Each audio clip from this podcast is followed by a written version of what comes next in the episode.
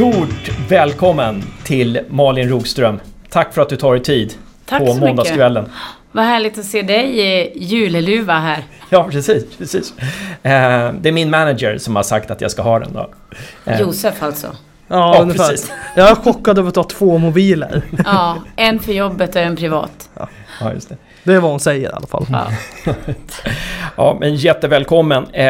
Eh, eh, tillförordnad ordförande i Gävle IF fortfarande, det är så. Ja, Det, och det kommer det vara tills årsmötet. ja, Så får vi se vad, vad årsmötet säger helt enkelt. helt korrekt. Ja. Och om årsmötet säger att du, du ska bli eh, ordförande, permanent ordförande, du, säger du ja då?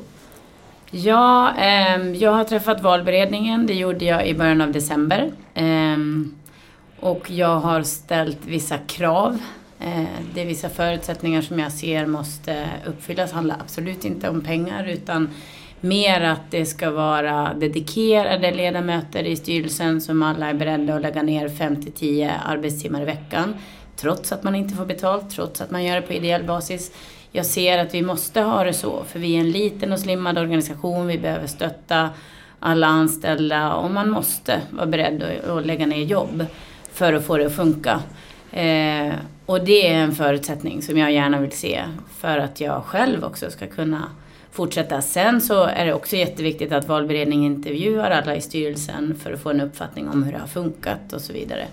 Eh, det tycker jag också är viktigt. Är det någonting du tycker att har saknats för den här dedikationen? Nej men jag, det är svårt när man, när styrelseuppdragen i Gävle IF är på ideell basis. Man får inget betalt. Och å andra sidan så ser jag att vi måste tillsammans lägga ner tid. För det är tid som behövs för att lösa en massa frågor i föreningen. Eh, och ja, alla kanske inte har den tiden men då, då jag tror att man måste eh, committa sig till att lägga ner den tiden när man ska sitta i styrelsen. För alla timmar och alla händer och fötter behövs. Så är det bara. Det är min bild efter det här halvåret. Mm-hmm. Jättespännande. Eh, när Poja eh, lämnade här så berömde han ju dig i ett uttalande där. Eh, och eh, vad, ja, vad, vad tror du han syftade på där? Vad, vad var, det liksom, hade du, var det någon speciell händelse som han syftade på där, där du hade liksom visat var skåpet skulle stå eller hur? Man... Nej, men det tror jag inte.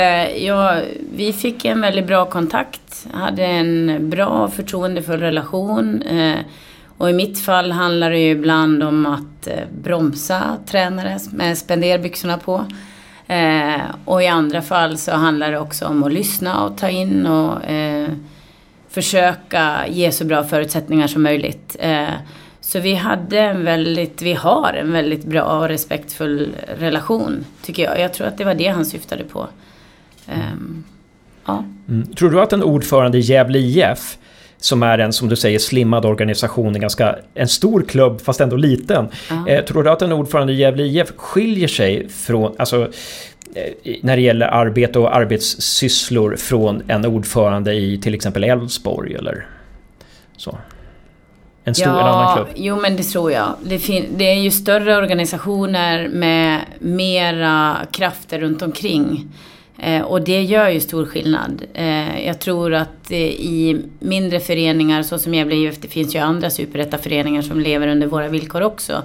Men så måste man vara beredd på att eh, ja, vara lite högt och lågt. Alltså ibland är det vissa detaljfrågor som jag tror att en ordförande i Elfsborg aldrig kommer i kontakt med. Som till exempel? Som, som ändå blir på något sätt vår styrelses att lösa. Eh, ja, men det kan vara allt ifrån hur vi är inblandade i rekryteringar till exempel. Eh, allt ifrån hur man blir inblandad. Jag och min sambo ägnade ju en del av sommaren åt att möblera upp lägenheter till spelare som kom. Det tror jag inte att en ordförande i Elfsborg gör faktiskt. Nej, det tror inte jag heller.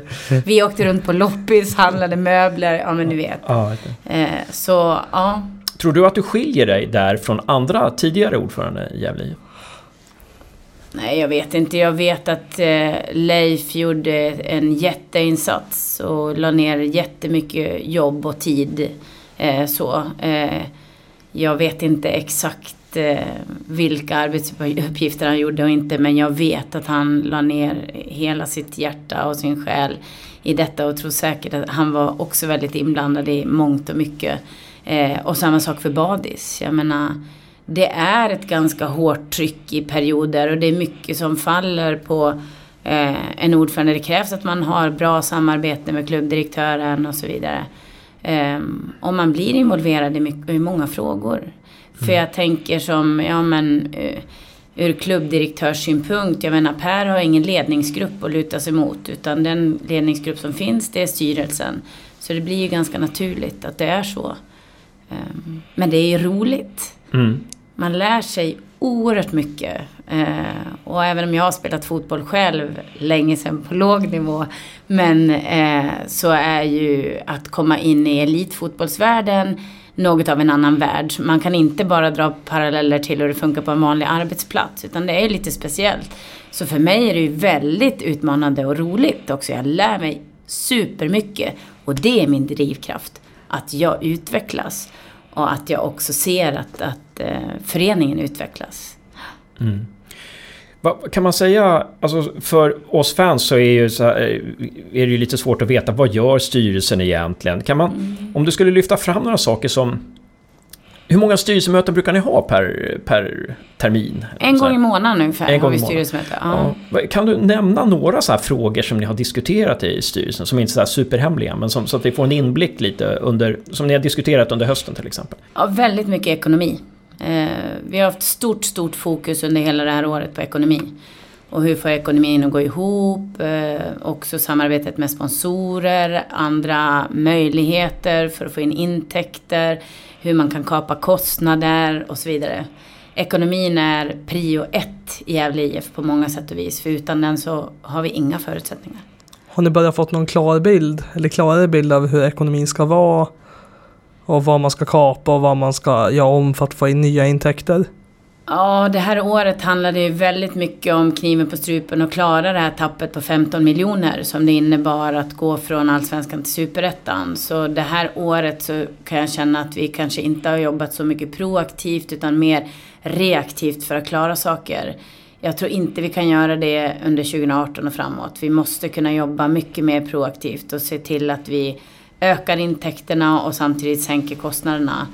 Eh, och vi har gjort några lärdomar tänker jag också. Jag menar, vi har haft en hel del vakanser som vi inte har besatt på kansliet till exempel.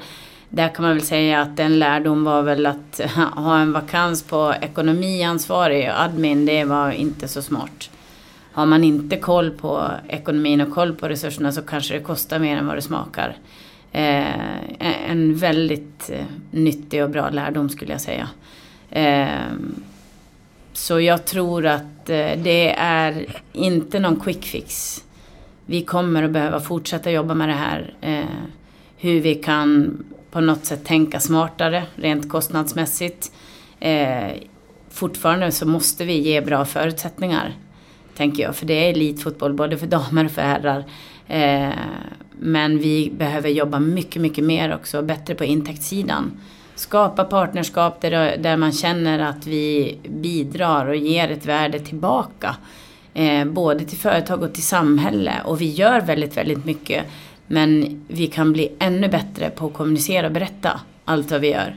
Eh, till exempel på Sörby IP där vi har tusen barn och ungdomar som vi sysselsätter varje vecka med fantastiska ideella krafter i form av ledare.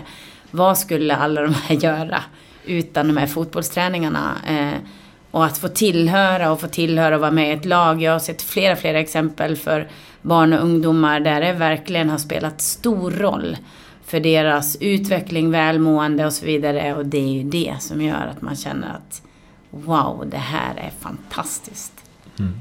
Så att ni kommer vara mer proaktiva, det vill du att ni ska vara under ja. 2018. Ja. Eh, och berätta, alltså, eh, ja, eh, få ordning på ekonomin, få fler intäkter, alltså berätta lite hur pass bra ni är och sådär. Men är någonting mer som det här, det här proaktiva, liksom, kan man måla upp det i någon bild på något vis? Vad är det mer det ska Eh, vad betyder det? Att ni ska vara proaktiva? Jag tror att eh, vi har fortfarande krav på oss som är här uppe.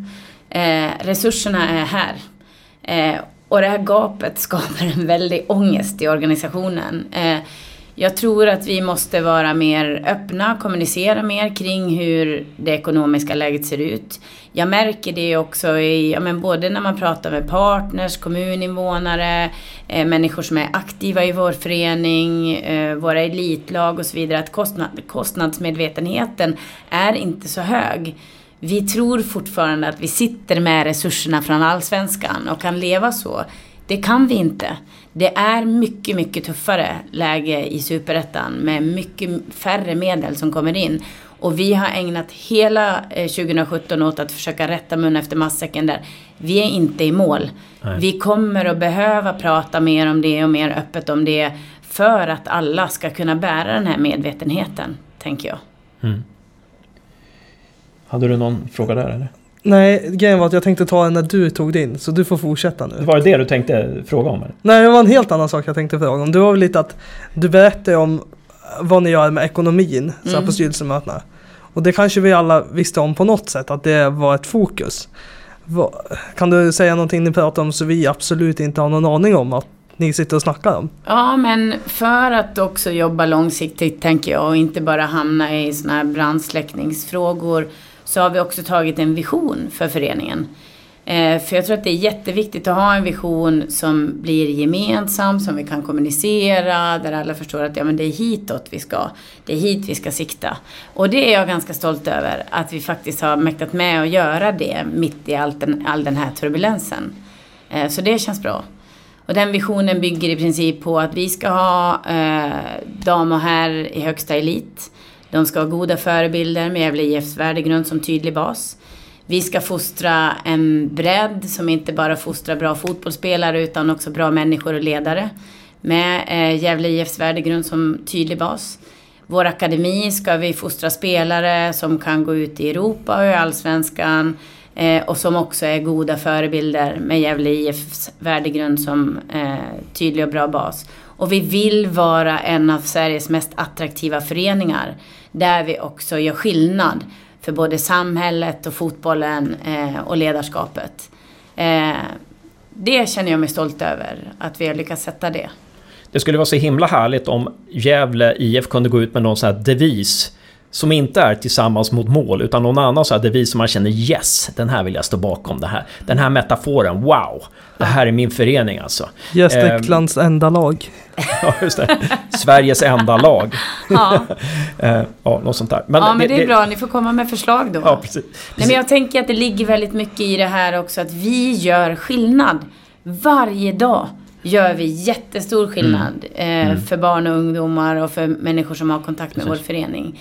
Mm. Eh, och någonting i det. Eh, är det någon som jobbar med inkludering i Gävle så är det verkligen Gävle ja. IF. Ja. Eh, och det är jag enormt stolt över. Mm. Eh, jag tycker det är hur coolt som helst. Och jag tror att vi skulle kunna bli mycket bättre på att berätta det och berätta sådana historier så att människor runt omkring och inte minst liksom kommunpolitiker och andra förstår vilken skillnad vi gör. Mm. Superbra, superbra. Eh, det där är ju jätteintressant. Om vi skulle komma, innan vi avslutar här så kanske vi ska komma in på lite mer specifika saker. Ta den frågan du. Eh, ja, jag och Josef funderade lite så här på, alltså på vilket sätt var, var du och styrelsen involverade i Poja-övergången till Göteborg? Var ni in, involverade överhuvudtaget och hur nära var det att vi hade behållit Poja? Vi var väldigt involverade. Ja. Det är... det är väl lite så när en tränare går, skiljer om spelare. Just här, ledare så är väl styrelsen den som får sköta det för det är inga riktiga transfersummor som kan diskuteras. Mm. Eller är jag helt ute och cyklar nu? Vi var väldigt involverade kan jag säga. Okej. Okay. Um, ehm, ja, och nu har ni fått in Johan Mjällby. Hur, ja. hur, uh, hur involverade var ni där då? ja, det var en bra fråga. Ja, men eh, vi var involverade i det också. Um. Vad var ni mest involverade i? På övergången eller Mjällby-anställningen?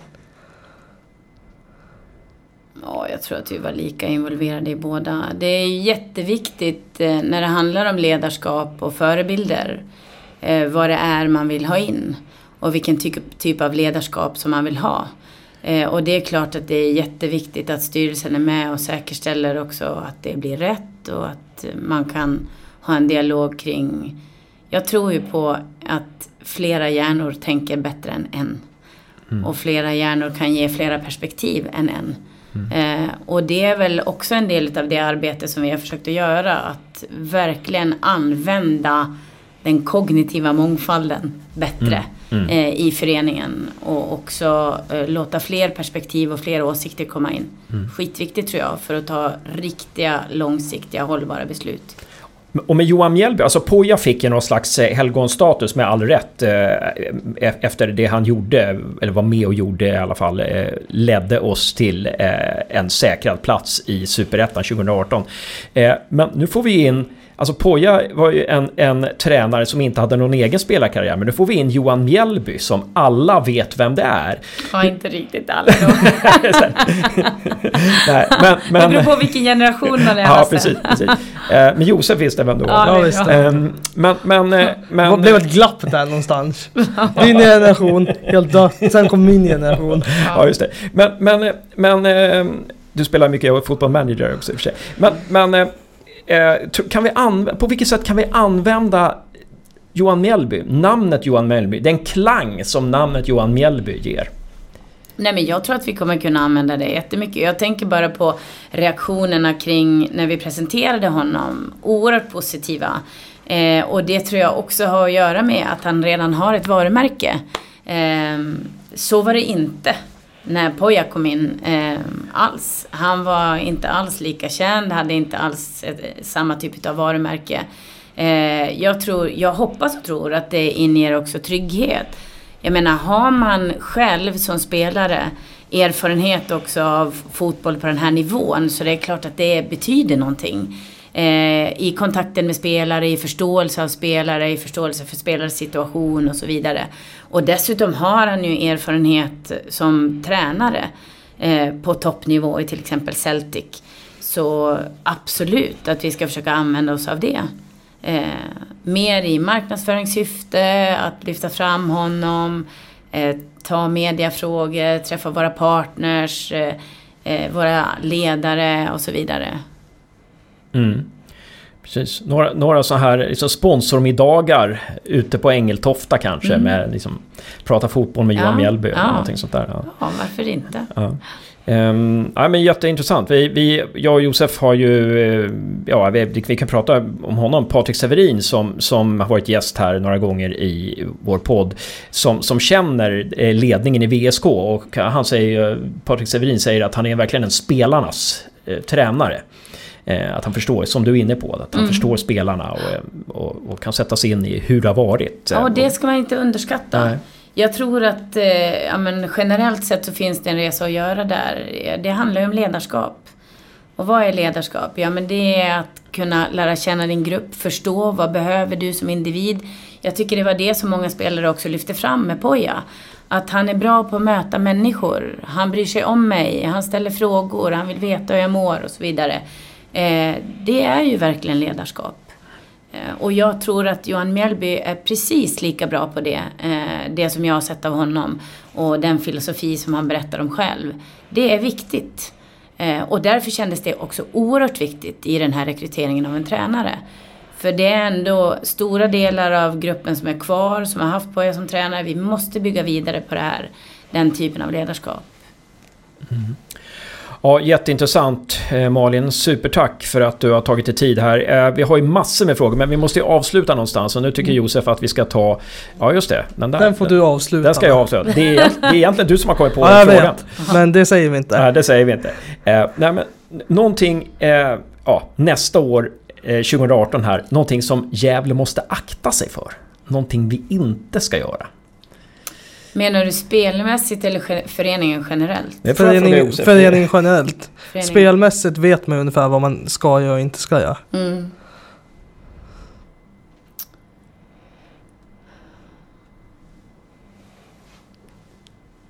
Känns bra för ja, mig att nej, det här tar lite jag, tid. Jag hamnar återigen i ekonomin. Jag, jag tänker att vi kan verkligen inte ha spenderbyxorna på. Det gäller fortsatt att eh, återhållsamhet. Det är det tråkiga men väldigt viktiga svar eh, som jag måste ge. Eh, och jag tycker faktiskt samtidigt också, något som vi ska akta oss för att göra är att eh, jag skulle så gärna vilja att vi lite tar bort den här eh, jantelagen som på ett sätt svävar över Gävle IF. Vi gör så mycket bra saker. Att också vara stolta och berätta om det. Och att också hjälpas åt och lyfta vår egen förening. Berömma varandra mer, ge varandra en klapp på axeln. Eh, säga Gud vad härligt att du är här och vad du bidrar. Eh, det skulle jag vilja se mycket, mycket, mycket mer av. För jag tror att vi har en tendens ja, men, av att tänka kritiskt, nöta på, se det som är jobbigt eh, och så vidare. Men vi gör oerhört mycket bra saker som jag tycker vi tillsammans kan hjälpas åt att lyfta fram på ett helt annat sätt. Så akta oss kanske vi ska göra för Jante då. Det var väldigt bra. Eh, det var väldigt intressant svar för att det är ju faktiskt så att vi, vi eh, jag menar, bra, bra, eh, bra ledarskap är ju oftast att berömma. Det är oftast för det, är ju, det stärker människor helt enkelt. och det är så många som glömmer bort det. Att, att, att beröm, det, det, det är egentligen det man kan liksom, ta fasta på. Det, det var väl lite det mest udda. En giffare någonsin sagt att man ska undvika jantelagen. Att man klev ur lite sin bekvämlighetsbubbla. Ja, jag tror faktiskt att vi behöver göra det tillsammans. Kan det vara att man behöver kliva ur sin bekvämlighetsbubbla och skapa en ny eller bara att man ska kliva ut den lite då och då? Förstår du vad jag menar? Ja, det är alltid svårt att bryta beteenden. Så jag tror att man kanske måste kliva ur den lite då och då. Och göra det när det, när det krävs eh, också. Eh, jag menar, allt vi gör är inte bra. Det är jag mycket, mycket med, väl medveten om också. Vi kan framförallt informera och kommunicera mer. Vi kan eh, verkligen, verkligen internt också kommunicera mer med våra egna ledare, berätta vilket fantastiskt jobb de gör och så. Eh, så det börjar väl med det. Eh, det var en klok person som har varit eh, ledare, kanske inte i fotboll, som sa till mig en gång att han körde en devis som han kallade för trettjack. Eh, och det är ju en hockeytravesti då. Eh, men den handlade i princip om att eh, varje gång innan du går till jobbet eller går från laget eller så vidare så ska du dela ut tre stycken beröm eller tre stycken bekräftelser. Det kan förändra en kultur. I en organisation, i ett företag, i en förening. Det kanske blir mitt nyårslöfte till Gävle IF då. Och årsluften är ju till för att bytas. Nej, nu ska jag bara. uh, Stort tack Malin Roström för att du ställde upp. Otroligt intressant. Massa intressanta grejer. Eh, jag, jag kommer titta, se om den här intervjun bara för att, se, för att eh, eh, liksom kunna anteckna alla grejer som du sa här. Det var otroligt. Jag blev ja, inspirerad. Så får ni hålla koll på mig så att jag lever som jag lär också. För gör jag mm. inte det, då blir det bara luft. Precis. Malin, egentligen kollade han om det här för att du berömde han innan med tomteluvan. Ja. Det är enda anledningen. Ja, men då kan jag passa på att berömma lite mer då. Tusen tack till er för att ni lägger ner så mycket ideell tid och gör den här podden. Jag vet att det är massor med människor som lyssnar på den, tittar på den. Ni gör stor skillnad också för Gävle IF och Gävle IFs varumärke. Som gör att alla de bra, roliga saker som vi faktiskt gör också kommer ut och når folks öron, hjärnan och hjärtan. Så tack så jättemycket till er. Tack så tack, mycket. Malin Rogström. Det betyder mycket faktiskt. Ja, det var jättekul att höra. Äntligen en gäst som sa något vettigt. som avslutade på ett bra sätt. Öppna på ett bra sätt för att avsluta på ett bra sätt. ja. ja, men suveränt. Eh, nu, nu får du gå på... Ska du gå på ledighet nu eller ska du gå på... Ja, jag åker till fjällen på fredag. Okej. Okay. Är det några GIF-grejer som återstår att göra innan du åker till fjällen? Jajamän, ja. massor. Det är Lite motsägelsefullt när jag säger jajamän skakar på huvudet. Nej, men det är massor som är det återstår. Någon, är det någonting som kommer komma ut i tidningen innan julafton? Nå, kanske. Ja, vi har ju bland annat anställt en akademikoordinator för att vi ser att vi måste eh, satsa mer på akademin. Det kanske blir något som vi kan mm, kommunicera. Marcus Bengtssons gamla roll innan han trädde in som ja. assistent till Thomas. Är den anställd redan nu? Eller? Den är anställd. Men jag lämnar åt Per att få kommunicera det, tänker jag. Ja, just det. Tack så väldigt mycket återigen Malin Rogström. Eh, ha en jättefin jul och ett fint nyår så ses vi i januari. Detsamma. Tillsammans. Tack. Eh, och, och nu ska vi se om vi har fått in vår nästa gäst. Eh, nu ska vi se. Eh, Jag passar på att ställa mig lite upp för jag dörren är låst skriver han sen 14 minuter. Oj, Han jag in Han sätter sig i bilen och värmer sig, eh, säger Petter Barling. Ehm, Jag kan hämta Petter bara. Jag passar på att ställa mig upp ett tag för jag Ja, har det. suttit hela dagen på jobbet. ja, och då tar jag smsar. ehm, eh, Klipp det här. Eh, Malin eh, eh, kommer till din bil. ehm, och, eh, skriver jag där till Petter Barling. Ja, eh, medan vi väntar in Petter Barling då så kanske vi ska prata lite om eh, vem eh, Petter Barling är. Behövs det ens? Eh, eh, ja, han han, eh, han eh, jobbade på Simor fram till eh, förra året, tror jag. Eh, han har kommenterat eh, hockey och fotboll på hög nivå i 14 år. Eh, står det på Wikipedia. Eh, han är gift med Marie Barling som var kommunikatör på Gävle IF sen, eh, ja, fram till något halvår sedan. Eh, Något mer om Petter Barling? Eh, vi måste ta, ta reda på hans eh, GIF-hjärta eh, där. Vad har han för anknytning till GIF? Det är en fråga som vi tänkte ställa där i alla fall. Eh, och eh, vi eh, måste också fråga lite om vad han ser och vad han tyckte om Poja och vad han tror kan hända inför den här säsongen. Vad han tror om Johan Mjällby också. Eh, så att... Eh, nu ska vi... Nu tittar jag ut här. Och eh, vi rullar va? Eh, Valle, ja. Och nu kommer han, mannen, myten, legenden. Petter Barling. Du kan sitta ganska nära den här micken. Ja, Det, det glömmer jag att säga oftast. Men På något så sätt så känns det som att han borde veta om det här. Ja, precis. Ja, det är han som ska verkligen. berätta för oss hur vi ska göra. Huh, vilket ställe! Vad Ja. fint ni har det. Ja, tack så mycket. Va? Vad fina ni är. Ja, tack. Tack detsamma. Ja, tack. Vad kul. Jättevälkommen till Gävlepodden TV. Tack så mycket. Jättekul att vara här. Mm. Suveränt att du, att du, du fick sitta i bilen lite och frysa här Ja, i väntan på men att så bli är det. insläppt. Så är det. Ja. Är det så i, på Simor också när man åker och ser Atletico Madrid? Att man får, Mm. Nej, inte så ofta. nej, inte så men här är det andra spelregler. Så är precis, det. Ja. precis. Så precis. jag, jag väntar gärna. Det var skönt och varmt i bilen så det var ja, inget, ja, men inga problem. bra. Ja men det, det, det, det är ju jätteschysst att du tar dig tid. Vi vet att du är en upptagen person och... Det Eh, där, det där Hans, det där är, det är en myt vet du. Det är lugnt. fan, jag har ju, det där, det är min påa ju! ja, precis. Min fru, fick, min fru fick ta nattningen. Det var, det var det vi fick göra. Det var lugnt. Ehm, och i, ja... Vi, Och det är väl någonting du slipper? Nej. Eh, ja, eh, så är det. Jag tar dem, eh, I och med att jag jobbar tid, tidig morgon numera så eh, får, får min fru ta hand om alla morgnar. Så jag har alla kvällar. Så att släppa en kväll så här var, kändes okej. Och tidiga, tidiga morgnar, det betyder att eh, du sänder eh, radio i P4 Precis. tillsammans med Venda Hadjo då, Så är det. på, Exakt. på morgnarna. Mm. Och ehm, det, ja, vi kan ju börja den änden då. Alltså, för du gick från Simor och det var väl där då du började på P4 i Gävleborg va? Ja. Efter Simor. Precis. Mm. Mm. Var, är det, var, det var det någon ny erfarenhet? Där, jobba med P4? Gävleborg? Ehm, ja, på det här viset så var det ju det. Absolut, att jobba som programledare.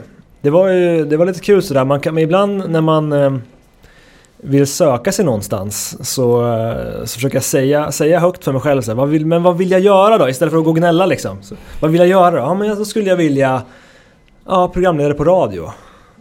Och sen några dagar senare så ringde det faktiskt. Eh, från, från radion och sa att eh, skulle du kunna tänka dig att vara programledare här? Ja, som att det hade hörts liksom.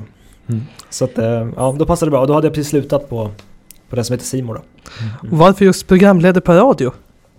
Ja men det är något speciellt med... Eh, och det är inte, jag skulle inte vilja vara det för egentligen ett förmiddagsprogram eller ett eftermiddagsprogram heller, så som de ser ut. Men det är något speciellt med morgonprogram tycker jag. Det, det ska liksom vara lite kul. Det ska, det ska svänga, eller flyga. Som vi säger liksom. Vi, vi, får, vi, vi får vissa allvarliga ämnen att ta hand om och det måste vi göra också. Vi ska vara seriösa naturligtvis också. Men framförallt så ska man ju vara lite rolig och kreativ. Och det tycker jag är, jag tycker det är skitkul faktiskt. Det, Skil- det, det är tidiga morgnar, det är det, det är det dåliga liksom. Men sen är det jätteroligt. Skiljer sig lite från att kommentera fotboll till att stå en rad, radio, vad heter det? Radiostudio. Studio. Ja, det gör det ju verkligen. Det gör det Men... ja, jag hade kommenterat ganska länge. Så jag kände att det var... Det fick vara bra nu. Du hade sett de flesta matcherna på något sätt. Varje match är unik. Som ni vet. Men eh, det är ju skitkul alltså att, kom, att komma till, ett, till en match. Eh, om det är liksom allsvenskan eller om det är liksom en stor match i Europa. Liksom, det är mycket folk, det är liksom lamporna på, någon helikopter som snurrar och sådär. Liksom. Det är fantastiskt. Men det livet som det kräver av en saknar jag inte. Men att få kommentera en stor match liksom då och då, det skulle jag gärna göra. Vad är det för liv?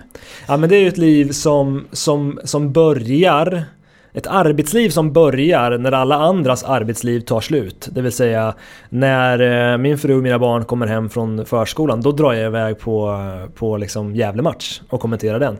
Eller ska man iväg på något stort ute i Europa så, eh, så kommer man hem och ska ta liksom fredagsmys. Och, sen, eh, och då eh, måste jag packa väskan för jag ska sticka liksom hutlöst tidigt på lördag morgon för att dra någonstans. Och hela helgen är borta. Och det där har jag alltid levt med hela tiden. Fram tills april 2016. Då, då slutade jag på Simor och fick plötsligt, det här, fick plötsligt den här härliga Svensson-fredagsfeelingen. Den har jag aldrig upplevt. Men den är helt fantastisk. Jag älskar den. Vad vad är lite det, Simor har ett reportage på dig. Ja, när, vad är lite det Mm. det förklarar? Att när du går upp kvart i fem för att ta Mm. bilen till Arlanda så flyger du mellan två stormatcher Just det. och sen landar du Mm. hemma. Ja. Och det, det är slitigt. Jag avskyr själv att flyga. Jag vet inte vad du tycker. Ja. Ehm, ja, jo. Det gör jag. Eh, Men, men, eh, framförallt att gå upp tidigt eh, har jag svårt för, vilket är konstigt eftersom jag jobbar på det sättet som jag gör. Men, men, ehm, ja, men det, det, när man får barn då, är, då funkar eller det funkar inte för mig längre. Helt enkelt. Så var det. Mm. Och jag tänker, du har ju ändå kommenterat en massa högklassiga matcher. Mm. Vilka har då varit dina topp tre favoriter eller? Topp tre. Ja, Ehm. ja, det är svårt. Ja, ett par El Clasico-matcher har jag gjort som har varit riktigt sköna. Ehm, kan det ha varit så att det blev eh, Real Madrid på Bernabéu och Real Madrid mot Barca 2-3 eller möjligtvis 3-4 faktiskt. 2-3 tror jag det blev. Barca tog ledningen med Iniesta. Eh, Real Madrid vänder till 2-1. Eh, och Barca kommer tillbaka, Sergio Ramos blir utvisad, Messi dunkar upp två straffar i krysset på Bernabéu det var fantastiskt. Sen, blir det ju, sen är det ju andra liksom matcher som blir lite mer oväntade. Jag var mycket i England också och där, kan, där blev jag ganska besviken på de här största arenorna. Eh, men däremot så var jag i, åkte jag till Sunderland och gjorde Sunderland mot Newcastle. Derby där. Det var ju helt fantastiskt. Helt eh, magisk eh, liksom, eh, atmosfär och, och fantastiska fans. Liksom. Jag åkte med taxichaufförer som verkligen på allvar sa att nej men jag kör inte till Newcastle, det kan du glömma, du får ta, du får ta någon annan liksom. Och det händer ju inte. Eh, ja, men, och, och, och sen har jag gjort liksom så här Romderby, det är ju kul. Nu, nu gjorde jag bara ett Romderby och det slutade 0-0 så det var inte så jävla roligt. Men, men att få ha gjort Roma-Lazio var stort för mig. Jag är italofil liksom i grund och botten faktiskt. Så jag Mm. tyckte det var Men jävligt så här, en 0-0 match, kan det vara så att man känner, alltså en 0-0 match är även dålig för en kommentator? Eller kan man som kommentator känna att ah, idag gjorde jag en bra insats, även fast matchen var dålig? Ja, absolut. Och vice versa egentligen också. Men ehm, alltså om jag har ett, ett papper med mig, om, vi, om, om ett papper där får liksom symbolisera mitt förarbete, då har jag ju större chans egentligen att få ut mina grejer i en 0-0 match än vad jag har kanske i en händelserik match. För då har du ju alltid matchkommenteringen att prata om liksom. Då händer alltid saker som du måste prata om där. Eh, är det en 0-0 match då kan man ju få en, liksom en en, en lång härlig närbild på, på Veron liksom. Och så kan jag prata om att fan tänk att Diego Maradona han grät, ringde till Veron och grät när han skulle lämna Argentina liksom och komma att och bli proffs i Europa. Det har jag ingen chans att göra annars. För det handlar ju om att prata till bilderna hela tiden.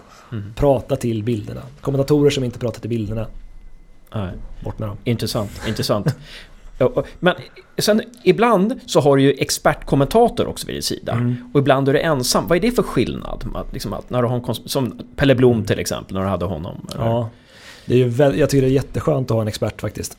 en expert som, som är bra, som Pelle Blom är, som, som kan... Eh, alltså jag, jag är inte... Jag kan inte fotboll så, så mycket så att jag kan yttra mig om liksom pressspel och sådana här saker liksom. Jag kan ju se om det, alltså vem som är sist på bollen och sådana där saker. Och vem som har bollen, det är jag bra på. Men jag kan, jag kan inte liksom, jag kan inte se skeenden i en match. Så jag är jättetacksam när, när jag har en expert vid min sida.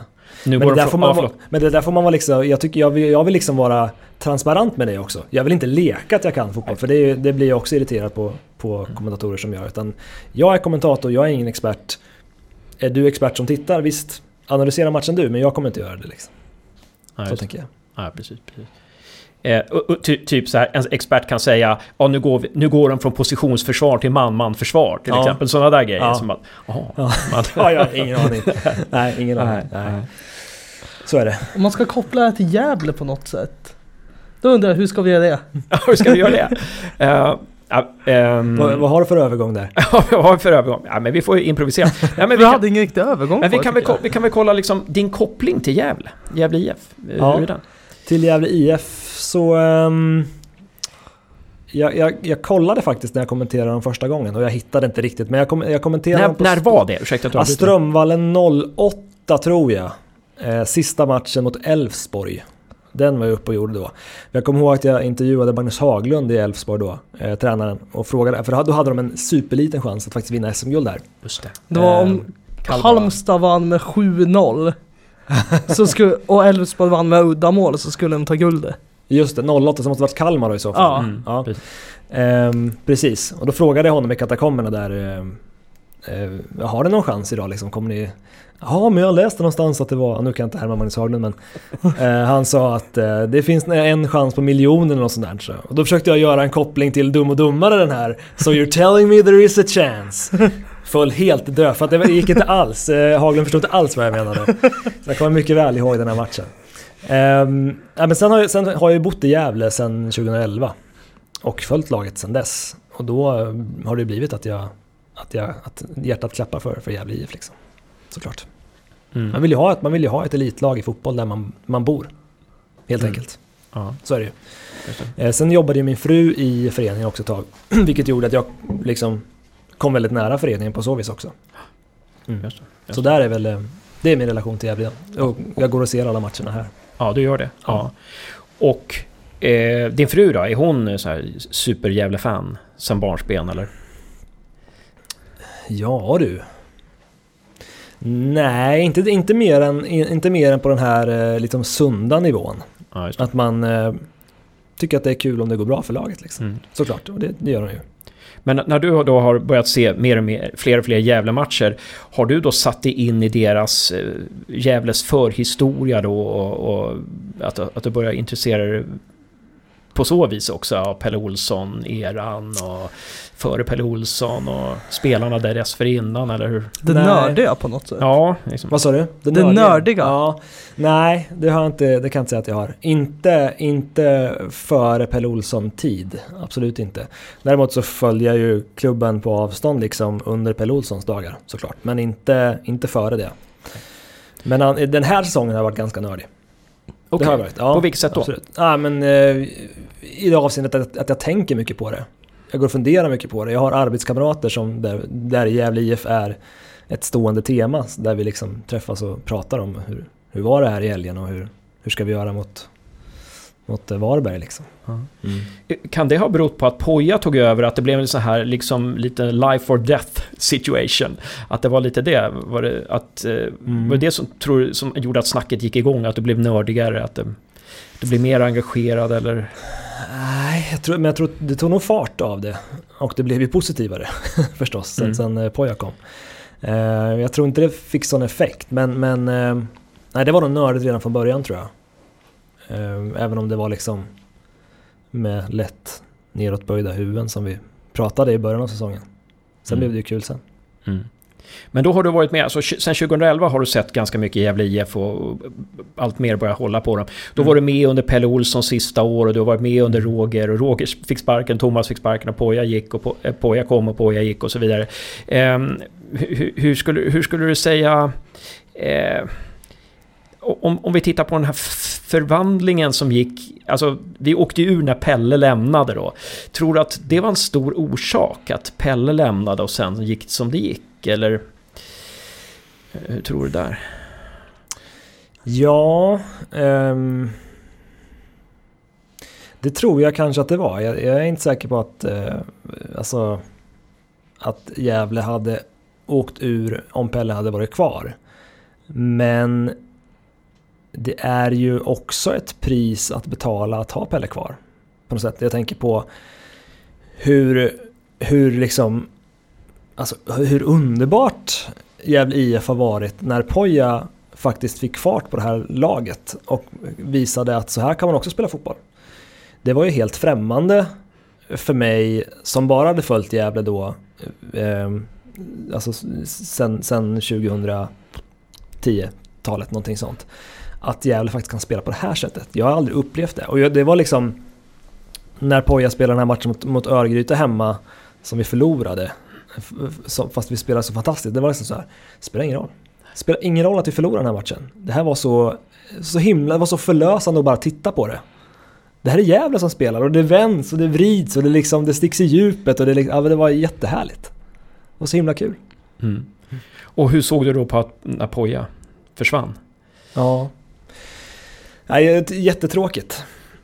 Supertråkigt verkligen. Ehm, eh, jag tycker väldigt mycket om honom både som, som eh, av det jag har träffat honom som människa och som fotbollstränare och jag hör ju bara gott om, om honom överallt. Um, så jag vet inte riktigt, men jag är lite besviken också. Så här, det, finns, det finns en liten ilska i mig har jag känt också. och Jag vet inte, den där, jag vet inte om den... Vad ni, jag har inte hört allt vad ni har sagt om det men, men ibland får jag känslan av att... Så hade han inte skrivit på för två och ett halvt år. Alltså, mm. jag, jag, kan bli lite besviken. Sådär. Det gick så otroligt bra, vad härligt det var. Och sen ringer en annan klubb.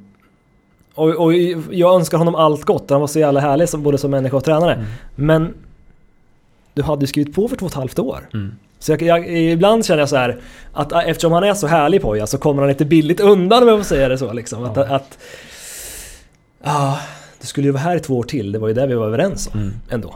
Mm. Jag vet inte, vad, vad, säger ni om det? Har ni, har ni pratat om ja, det? vi poddade inte under den. Jag var riktigt förbannad, kommer jag ihåg. Jag smällde i köksbordet, det här är inte de sett utan jag var ensam hemma. smällde i köksbordet, väggar och dörrar när han presenterades. Men då när den värsta ilskan och chocken hade lagt sig, var då vi började prata. Ute i podden. Men det är fortfarande också, jag är likt förbannad att jag tycker, önskar också han allt gott. Men lite det här att du hade ju signat för två och ett halvt, eller ja. för två och ett halvt år. Väljer att sticka efter ett halvår för en liten summa pengar. När, hur ska man säga, IFK Göteborg är i ett fallande läge. Alltså det är inte riktigt det är ingen som vill vara där just nu verkar det som. Och då ska han ta över ett ännu ett fallande skepp när han har redan börjat byggt något mm. här. Ja. Tycker, kanske ha lite is i magen så hade han kunnat komma ännu, ännu längre. Mm. För där tänker jag nästan att, att Göteborg eh, liksom inte är så liksom dominant som man varit tidigare. Det tänker jag kan vara liksom, det kan vara ett bra läge för Poja att komma Precis. in där. Eh, så det, det hade nästan jag tänkt så här, ja men det här är, det här är bra. Det här är bra. Mm. Som jag sa till Josef i morse tror jag det var. Jag menar, hade vi inför, när, när, när Thomas fick gå, hade man inför där eh, säsongen vetat att ja, Poja kommer bara kommer gå till IFK Göteborg efter säsongen, men han kommer rädda oss kvar först. Då mm. hade man nog tagit det. Ja, absolut. jo, verkligen. Och det tänkte jag på idag också. Att vi inte spelar division 1, det är ju, eh, alltså, mm. det är ju ett ja. mirakel ja. alltså. Ja. Vilken höst alltså. Ja, det är precis, otroligt. Precis, precis. Så att på så vis jag bara känner ibland att tränare och nu har ju Gävle gjort samma sak, liksom lockat hit Johan Mjällby som också mm. hade kontrakt. Mm. Så att det verkar vara lite så som det fungerar i, i tränarbranschen. Att, mm. eh, På något sätt gjorde ju Mjällby mycket fulare. Han köpte ju ut sig själv för att komma hit. Och hade, hade Fulare ur Västerås synpunkt ja, kanske, exakt. Ja, inte ur vår synpunkt. Ja, exakt. Och jag tänker om Poja hade gjort något liknande, då hade man ju gått i taket. Ja, Va, vad innebär det att köpa ut sig själv? han hade en utköpsklausul i kontraktet. Och, och Gävle ville inte betala den utan den betalade Johan Mjällby själv? Ja. Ja, okej. Okay. Mm. Jag förstår. Då hade man ju själv gått i taket om en, ens egna tränare hade gjort så. Mm. Lite det här att... Mm. Ja just det, som, som de sa när ni intervjuade Västeråspodden där att det kändes verkligen som att han vill härifrån. Precis, Ja. precis. Men, men sen känner jag väl också att Poja blev ju på, på något vis en symbol för den här uppståndelsen, på den här pånyttfödelsen, på den här ny, för nya Gävle som du är Ja. inne på också Mm. det här att oj, kan man spela så här va? Ja. Att det, och, och hade vi haft Poja kvar så hade hade vi ju kunnat behålla den här på något vis eh, positiv, positiva framtidstron. Mm. Vi hade investerat i den symbolen, Poja-symbolen, som så väldigt... Alla var Mm. med på tåget och Ja. spelarna var med på tåget och eh, det känns som att alla spelare hade blivit kvar och eh, ja, vi hade fortsatt spela, vi hade fortsatt även nästa säsong, det var liksom... Det var, det, vi, vi hade fortsatt den här positiva fotbollen och, och vi hade byggt det här nya Gävle. Nu får vi by, börja om på något vis. Det är Mm. mycket möjligt att Johan Mjällby be- till och med blir bättre än Poja, men det vet vi inte. Nej. Bara Nej. att vi inte vet det. är- Precis, det är mycket vi inte vet. Nej, precis. Nej. precis. Nej, och för, jag, jag har också en illusion om att, att Poja har en förmåga att locka till sig spelare. Jag tror att, jag tror att väldigt många spelare vill spela för Poya Asbaghi. Mm. Och det tappar vi också. Det tycker jag är synd. Precis, precis. Det är nog bland det, det är väldigt mycket vad man tyckte var synd just då att vi var ju ett av, en av de slagkraftigaste klubbarna på transfermarknaden till att Mm. nu blir det svårt med att förlänga de egna spelarna och Mm. helt plötsligt från att kanske varit några dagar från att skriva nytt med Lans till att han går till ÖIS. Mm. Det är en sån skillnad det kan vara. Ehm, men om, om vi skulle, alltså... Gävle har ju, det är ju därför vi övergav den här Vi är, vi är tråkiga Gävle, kallade vi ju Ni podden kunde från inte ha kvar det början. längre. Vad sa du? Ni kunde inte ha kvar det längre. Nej, alltså, Ingen vi, tyckte om det förutom du pappa. ja, jag tyckte det var så himla kul, så ironiskt, kallade det så här liksom, ja, fattar ni skämtet? Fattar ni? Det var ingen som fattade skämtet. Eh, och sen så, sen var det så här att det var så många på Twitter som började, började skriva till oss, ja bra att ni kallar det, för ni är Sveriges tråkigaste lag. Liksom, det var nästan lite självmord att ha den där Ja, titeln. Så vi, vi gjorde oss av med den. Ehm, det blir nästa podd som vi gör som får heta det. När vi, när vi tar SM-guld, då kan vi ta tillbaka den. Men eh, nej, men, men Gävle, det här tråkiga Gävle-stämpeln som vi fick under Pelle då och, och, och, ibland fastnar sådana här saker. Men vad tror du om Johan Mjällby och vad tror du om Gävle framöver, 2018 så här? Vad, vad, Mm. vad, för det första, vad tror du om Johan Mjällby som tränare? Ja, det är spännande. Då, då är man återigen inne på det här, vad vet vi egentligen? Och, vi vet ju inte så mycket om Johan Mellby känns det som, tycker jag. Eh, vi vet att det är ett stort namn. Eh, och vi vet att säkerligen så har han, fast att han inte har börjat än, så har han säkert genererat eh, en del pengar till Gävle IF. Och det är ju bra. Det är jättebra, för, för jag tänker mycket på Gävle IF och nästan pressar in massor i en jävla tratt liksom. Och det som kommer ut är så här. Vi har riktigt jävla dålig ekonomi. Det är det, det är, den, den, den, den kärnan hamnar jag alltid vid liksom, vad jag än tänker på. Och då tänker jag så här, Johan Mjällby, stort namn, affischnamn, har redan dragit in lite pengar till Gävle, tror jag. Och det är bra. Jättebra. Ja, och sen får man ju liksom gå på vad alla andra säger och vad, och vad, och vad de tycker. Och, ehm, det, det är svårt att jämföra för han, eh, han har varit assisterande i Skottland och England. Han har haft hand om Västerås som inte är en proffsklubb. eh, Och han är ju också en sån spelare, eller en sån tränare som verkar ställa väldigt höga krav. Det är ju, det är ju, brittisk, det är ju brittisk kravbild som han har på sina spelare. Eh, Och att ha det i en klubb som Västerås som, kanske inte, som inte är 100% proffs, det kanske inte går. Eh, Och då har, vi, då har han ändå tagit laget ganska högt i division 1. Liksom. Det kanske går, eh, kanske går mycket bättre att göra det i, i, eh, i en klubb som Gävle. Mm. Det vet vi ju inte, det kan vi bara spekulera om. Sen har han väl haft... Ni pratade mycket om utveckling eh, när ni pratade om Västerås också. Det, det hoppas jag också. För jag tänker att jag, jag har sett lite sådana här saker som, som, som jag inte skulle uppskatta om jag var spelare. En, en sågning i media till exempel. Eh, och sådana där saker. Jag skulle inte uppskatta det. det, det och, och igen, jag är lekman här men eh, det kan ju vara så att spelare i Gävle tycker att ja men nu fick vi höra att vi var dåliga. Nu, nu kör vi. Men eh, jag skulle känna så här. Det, jag tycker han distanserar sig från gruppen när han, när han eh, går ut och kapar på det här sättet. Det var ju inte bara spelare, det var ju liksom uteblivna satsningar och den saken också. Jag vill ha en tränare som ser ett vi i, i Gävle. Liksom. Och då, då snackar vi från klubbdirektör och ordförande, tränare ner till you name it. Mm. Eh, och, och, och som sagt då, det är möjligt att att det har utvecklats. Att, att det är en sida som Johan Mjällby inte heller tycker om hos sig själv. Att han vill, att han vill liksom, eh, åstadkomma någonting annat där. Eh, eller så vill han vara så, det vet, det vet jag inte heller. Men, men jag har svårt att, att tycka om just, just det. Mm. Men det finns mycket positivt och mycket spännande med Johan Mjällby tycker jag. Det är rätt häftig värvning på många sätt. Mm. Det är aik på Twitter som är så här superavundsjuka som skriver att eh, varför ska han, vad ska han dit och göra? Han ska ju komma hit. ja, ja, men precis. Ja, men det kan väl vara så. Det, det är lite kul. Ja. Eh, men när du säger så här också att ja, ja, den, här, den här lilla penningpåsen liksom, att vi är fattiga och sådär. Eh, jag fick bara tanken när du gjorde, så, när, när du gjorde den bilden, när du, när du sa det, att borde Gävle liksom försöka att inte nämna det? Borde, vi, borde Gävle istället liksom försöka att eh, måla upp bilden av sig själv som eh, den starka, den ska, vi är inte underdogen, vi är den starka makten här, vi är den äldsta föreningen i Sverige, vi har god ekonomi, vi gör vad vi vill. Eller? Ja. Vad skulle du vinna på det tänker du? Jag, tänk, jag tänker att det, det, kan slå tillbaka om man har den här självbilden, om man formulerar sin självbild hela tiden. Att vi har ja. inga pengar, vi jobbar hårt i motvind mm. och så. Att det blir en mm. självuppfyllande profetia ja. på något vis. Mm. Och att man, att man borde kanske testa tvärtom att uh, liksom, upprepa ett annat mantra. kanske, ja men du kanske har en poäng där, jag vet inte. Att det skulle sätta sina, sina, sina spår på så vis. Men, men det skulle väl skulle inte synas i handlingarna. Så här, varför, varför gör de så här för? Varför, varför släpper de Anton Lantz till ÖIS för? De har ju så gott om pengar. Vore inte han jättebra att ha ett nytt kontrakt med? Ja. Tänker jag. Jag tänker att, det, att folk kanske ser igenom det ändå på något sätt. Ja. Jag tänk, ja. Det är kanske ingenting man kan bygga upp så här på ett år. Utan i så fall tar det väl lika lång tid att bygga upp det som det tar att tvätta bort det gamla. Ja. Inte sjösätta den ett halvår efter man haft en Swish-kampanj kanske? Nej, exakt. Nej. Ja, just det. Men jag tänkte lite som du tänkte när du, vad vill jag göra? Jag vill jobba på radion och så ringer de från radion. Ja, lite ja precis. Ja. vad vill jag göra? Du snackar med Sebbe på sälj att han ska liksom... vad, vill jag, vill, vad vill jag sälja? Ja. Jag vill in riktigt stora sponsorer den här veckan. Så bara sätter sig med mobilen och väntar. Ja, precis. Um, uh, just det inte jobba så mycket med säljkurser utan jobba mer med mantra, bra mantran.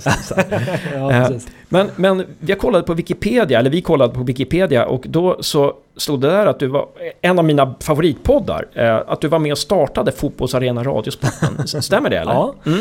det stämmer. Det, mm. det, jag tycker den är helt grym. Eh, hur gick ja, det till när ni startade den då? det var...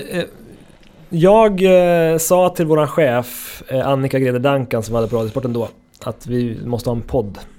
Och, eh, för då hade jag hört de här första Football Weekly som The Guardian gör. Och tyckte det var jättehäftigt. Och eh, det tyckte inte Annika var någon bra idé då, tror jag. Och sen så var det någon som hörde det där samtalet och sa att du, hörde du prata om en podd? Snacka med Rickard Henriksson, han vill också ha en podd. Och då hade Rickard Henriksson precis kommit till radion. Så han och jag snackade ihop oss. Och eh, började köra det som senare blev Fotbollsarena Radiosporten. Hade den ett annat namn från början? Ja, alltså, jag tror att vi körde den under EM 08 och då hette den EM-radio. Mm. Istället för FM-radio då. Just det. ja, man måste ha det förklarat för sig. Jag undrar vad fan heter vi EM-radio för? Det är ju skittråkigt. ja men det ska vara istället för FM-radio. Ja, ja! ja! Var det Björn Hellberg som kom på det? det var, eh, det var jag, tror, jag tror att det är jag som har kommit på namnet Fotbollsarena Radiosporten. Okej, okay. ja. ja. Mm. Det, det, är bra. Det är inte så här jävla bra är det inte, men man kommer men ihåg okay. det. Ja, mm. Mm. absolut. Um, har du något favoritavsnitt där? Den. Oj, oj, oj. Nej. Har jag det? Jag kommer inte riktigt ihåg. Det, det, det, roligaste var ju att försöka göra som de gör i, eh, jag vet inte om ni har hört eh, Football Weekly, men alltså att, att bara att prata om de olika ligorna. Att liksom vi fick in Stefan Elofsson som numera är redaktionschef på Radiosporten. Han pratade om, om den engelska ligan och så tog vi in någon annan som pratade spanska ligan och så ringde vi upp Glenn Strömberg som fick prata om den italienska ligan. Det var ju det roligaste nästan. Att man fick igång det här samtalet kring det. Vi försökte någon gång göra någon sån här staff, allsvensk stafett försökte vi göra att vi började med en egenskap eh, hos en spelare och så fick den här andra, den spelaren som vi ringde till då, fick ta över det. Och eh, så här, ja, nu ska du, eh, ja nu, vad står det på din lapp? Ja, bästa skottet i Allsvenskan, vem, vem nominerar du? Och så ringde vi liksom till den spelaren, och så den en annan och så gick vi runt sådär. Det gick bra ända tills vi kom till Anders Svensson faktiskt. Då tog det stopp för han svarade skitsurt att, att han inte ville vara med. han var, det var för stort liksom. Jag tror till och med han var, han var på landslagsläger i, i Portugal och Ja. eh, de är väl en timme efter. Så vi, vi ringde och väckte honom också så det var... Ja, det blev inget bra. Men det var kul fram till så länge det varade. Ja, just det. just det. Och då, då tänkte man så här, eftersom vi gör en podd då. Eh, liksom, vad, vad, har du några goda råd till oss? Vad måste man tänka på när man ska göra en sportpodd? Nej men jag har, jag, har, ehm, jag har inte så mycket, jag tycker det fungerar jättebra. Men det jag har tänkt på är ehm, det som kallas för löp. Eh, Det vill säga när ni, första, det första ni gör i programmet, när man liksom slår på. Att eh, det finns ju en anledning till att man har en första sida i en tidning eller en löpsedel för en tidning eller liksom en, en tänk Skavlan liksom när han kör igång. Han bara Men först ska vi ta den här och ja, man bara så här Jävlar det där ska jag se. Eh, Man, han, han, eh, han, han har en fantastisk förmåga att, att formulera sig där. Ja, Att just man blir så här Wow, det där måste jag se. Att man kan bli lite så här Att man inte säger för mycket utan man, man pratar i någon slags rubrik. Ja. Eh, ehm, idag i podden Piotr Johansson om löpkapacitet. Eh, och så går man vidare. Jag älskade de här offside, jag vet inte om de finns fortfarande offside. Eh, men de här ensidesintervjuerna bara som Ja. kunde vara så här jättevinklade bara på så här. Idag eh, träffar vi Paul Scholes och pratar tacklingar. Och då så var det bara tacklingar liksom. Och, Mm. och det där gillar jag, att man kan direkt hitta en vinkel. Så om du har tre gäster så bara Idag träffar vi pang, pang, pang. Välkomna till podden, nu kör vi. Och så, så liksom, då får man ett intro på 30 sekunder och sen är det över. Det är någonting Ibland- jag också har tänkt på, att våra intros är alldeles för långa. För jag själv orkar inte lyssna igenom dem. Det är ju ett tecken Josef. Men jag tror om 30 år då kommer de lyssna på de här. Ja. Hör ni hur de gjorde där med Han var nyskapande. Två och en halv minut, det är jättebra. Nej men det är bra, lite mer så här Petter Barläng om att han tänkte sig ett jobb och fick det. Exakt, Alltså, där har du det! Där- Ja, ja. Ja, det Petter. Barling om kritiken. Petter Barling, det tog slut med Anders Svensson. Eller, ja, då får man ju tolka det. Ja. Eller, Ja, ja, du var ja, nyfiken på sådär. Ja, Ja, bra. det, det, det, är så här. Jävlar, det, finns en kvällstidnings eh, det var lite mer hänt i veckan kanske. Eller så här. Ehm, ja. Nej men bra, jättebra. Um, ja, men det var helt grymt att ha dig här Petter alltså. Det var Eh, skitkul. eh, Vi borde träffas varje kväll och bara snacka fotboll. Ja, precis, precis. Ehm, Absolut, det är vi på. Precis. Eh, vi kan ju filma med mobilkamera. Det, Ja. Jag menar, med dig som gäst, då spelar det ingen roll liksom. Det Nej, behöver inte vara så himla Bara vi har korta löp. Ja, just det. Ja, Ja, precis. jag med. precis. Har vi någonting mer? Någon mer fråga som du vill ställa till Petter innan han får... Nej, fakt faktiskt inte. Jag tycker att vi har tagit det mest, alltså det viktigaste. Ja. Jag vet inte, har på någon fråga? Ja men jag tänkte så här, det här med... Just för att jag alltid pratar, eller det jag kommer tillbaka till det här med att... får jag säga att vi har dålig ekonomi Hans? Eller var det så här? Du får säga Blev det en... eh, ja, du får säga det. Självuppfyllande Det här är en podd, vi får säga Ja. vad vi vill. Eh, jag tänkte på det här med att Rauschenberg går till, till BP, att Lands går till ÖIS. Att det skulle frigöra pengar. Och jag tänker så här, gör det verkligen det? Är det så, är vi så lyckligt lottade att det faktiskt görs, gör det? Jag tänker så här att... Ja, jag vet inte vad de tjänar, men säg... Eh, vad kan Land tjäna? 30 må- 30 Ja, månader? 30 sä- Ja. säger vi. Ehm, då tänker jag mig att det finns inte budgeterat för det så långt framåt. Hela hans kontrakt eh, finns inte budgeterat för det i Gävle IF, tänker jag. Utan då är det så här, de bara, det blir en utgift mindre. Och det är bra. Men vi kan inte ta de 30 000 och lägga på en annan spelare.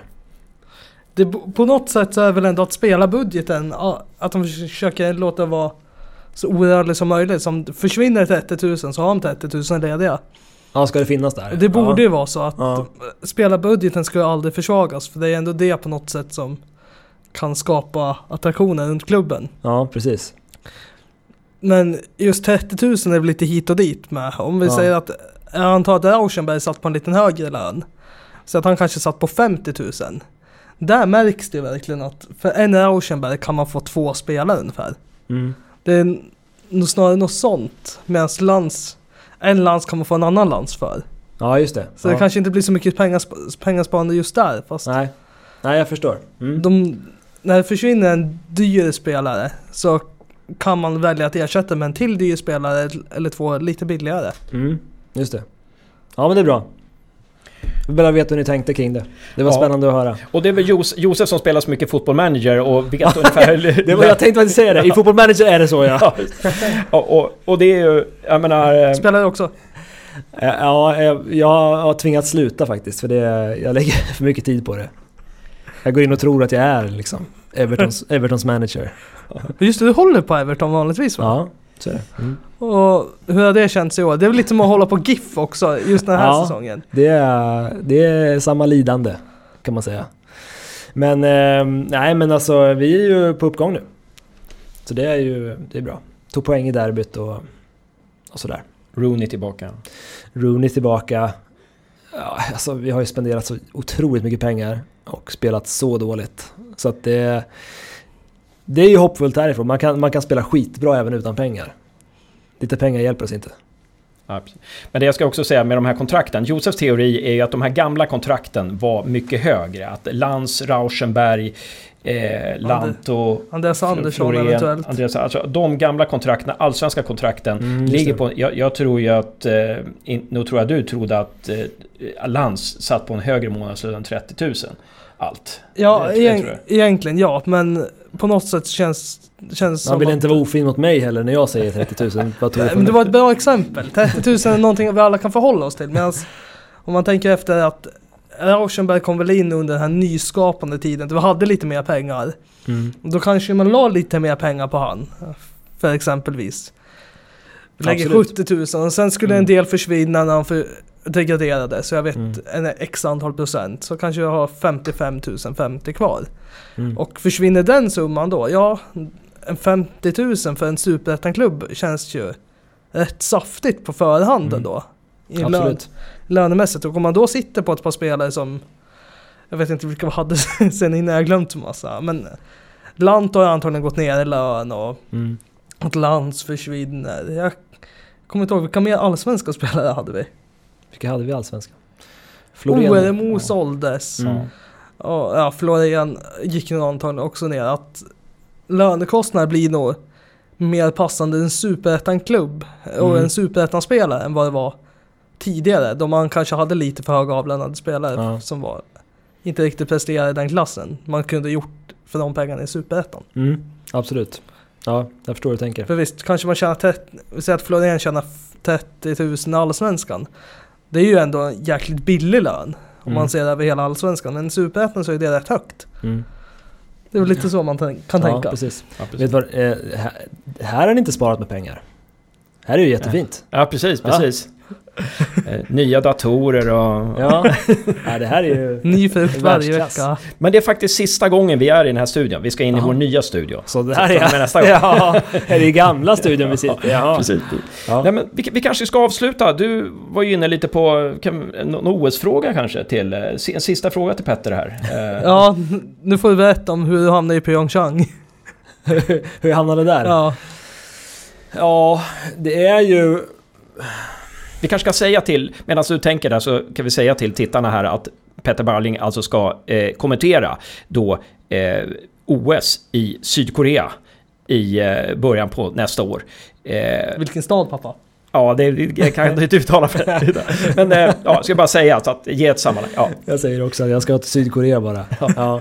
Nej, men det, det, är, det, är, det är samma folk som rör sig i tv-branschen hela tiden. Och det är inte bara de som är framför kameran, det gäller de som är bakom också. Så det är producenter som, som flyttar mellan de här olika bolagen. Mellan, mellan liksom Viasat och Simor och Discovery eh, och allt vad det är. Och eh, då var det en speciell producent som jag har jobbat mycket med på Simor som har gått till Discovery helt enkelt. Som kom på att eh, vi behöver en kommentator och jag har jobbat med Petter. Och vi behöver det inte bara så här att han, att han tyckte att jag var bra om, om han nu tyckte det, det vet jag inte. Men, men han, att han också vet att det här blir lätt att lösa. Vi löser inte Henrik Strömblad från Viasat liksom, för han sitter på ett kontrakt.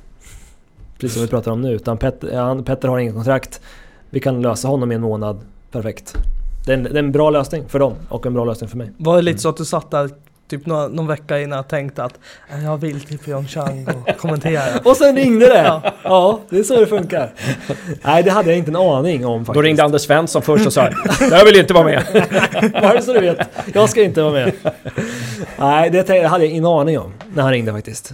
Jag kommer ihåg att jag hade precis stängt av Gävle Norra faktiskt och var på väg hem, då ringde det.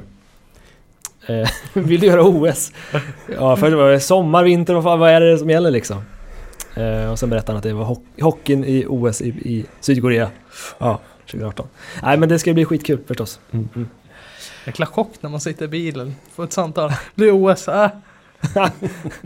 Jo men där måste du spela kall vet du. Du, du kan inte bara säga ja, vad fan ja! Ska vi inte diskutera lön först? Nej, nej, nej, nej, nej, nej!